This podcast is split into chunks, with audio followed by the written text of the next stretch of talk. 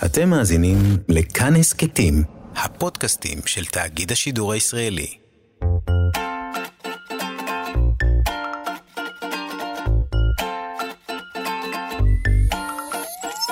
כאן תרבות מציגה. המעבדה לילדות ולילדים. ולילדים. לילדות. המעבדה לילדות ולילדים. עם גיל מרקוביץ. בשיתוף מוזיאון הטבע של אוניברסיטת תל אביב. אהלן, זו שוב אני, גיל מרקוביץ'. מוכנות ומוכנים למסע המשותף שלנו? גם הפעם נתגלגל משאלת הפתיחה וממנה הלאה אל שאלות נוספות. במהלך המסע יצוצו עוד שאלות. נוכל לדבר עליהן עם עוד אנשים סקרנים כמונו, ולהיעזר בידע שצברנו עד עכשיו כדי לחשוב ביחד על פתרונות אפשריים. וחשוב שנזכור, אין סוף לשאלות. לפעמים זה החלק הכי כיפי במסע. בואו נתחיל.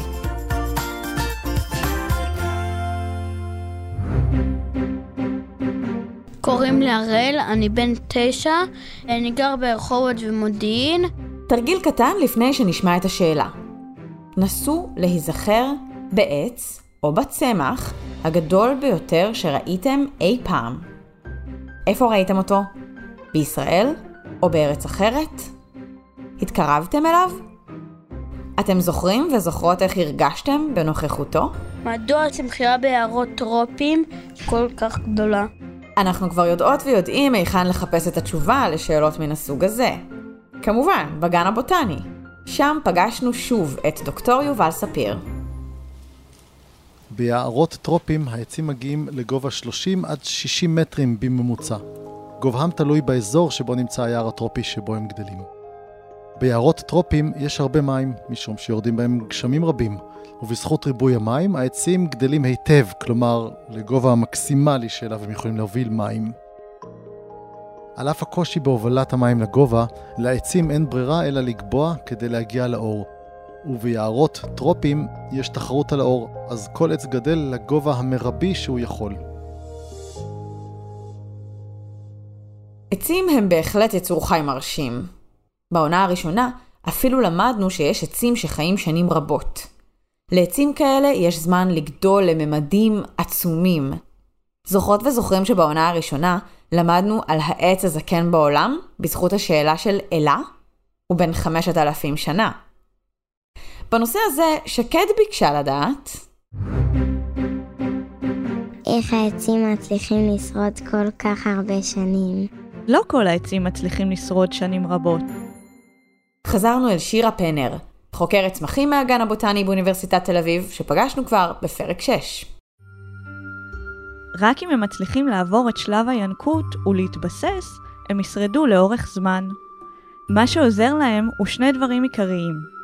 הגזע שלהם קשה מאוד, ובזכות זה הם חזקים ועמידים למכות, דחיפות או פגיעות חיצוניות. ואולי אפילו חשוב יותר, הם גבוהים, וכך הם מנצחים בתחרות עם הצמחים האחרים על האור, וזוכים ליותר אור שמש. באמצעות האור הם עושים פוטוסינתזה, כלומר את התהליך שנותן להם אנרגיה, ממש כמו שהמזון נותן לנו אנרגיה. בזכות האור והפוטוסינתזה, העצים מצליחים לשרוד שנים רבות. יש צמחים ששורדים בתנאים מאתגרים. איך קקטוס גדל כמעט בלי מים. זו יעל לאופר, בת תשע ממודיעין. שירה הסבירה לי שמדובר במיתוס. כלומר, משהו שהרבה אנשים מאמינים שהוא נכון, אבל הוא בעצם לא נכון במציאות, בחיים. הנה ההסבר המלא. קקטוס שותה הרבה מים. הוא פשוט שואב אליו מי גשמים בכל פעם שיורד גשם, בהתאם לגודלו, ואוגר אותם. הקקטוס הוא כמו גמל. במדבר, המקום שבו גדל הקקטוס, המליחות של האדמה גבוהה, והמים שמגיעים אל שורשי הקקטוס, שאותם הוא אמור לשתות, מלוכים. הבעיה היא שמים מלוכים עלולים לפוצץ את התאים של הקקטוס. כדי שזה לא יקרה, יש לו מנגנון מיוחד. כשיורד גשם, הקקטוס אוגר את המים ברקמות מיוחדות, כלומר במעין מכל אטום שנמצא בגופו של הקקטוס. כדי שהמים לא יתאדו החוצה בגלל החום של המדבר, קליפת הקקטוס משוחה במעין שעווה.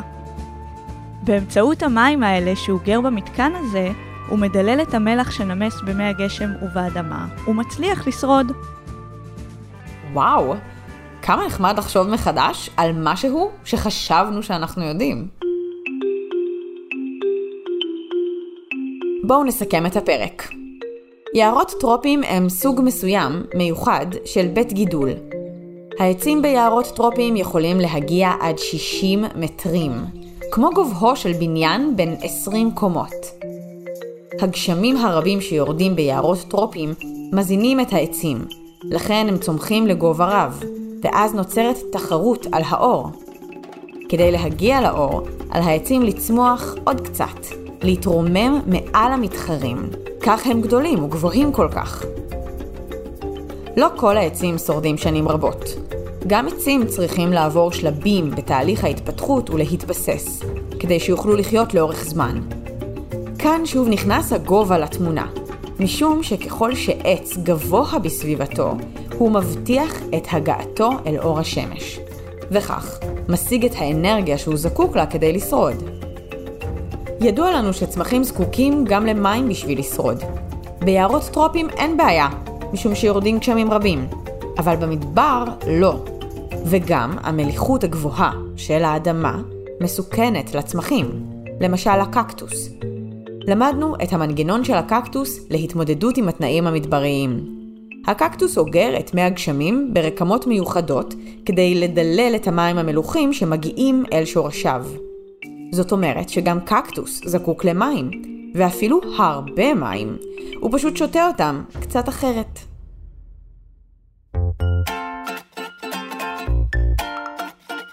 אילו שאלות שאלתם את עצמכם בזמן האזנה לפרק?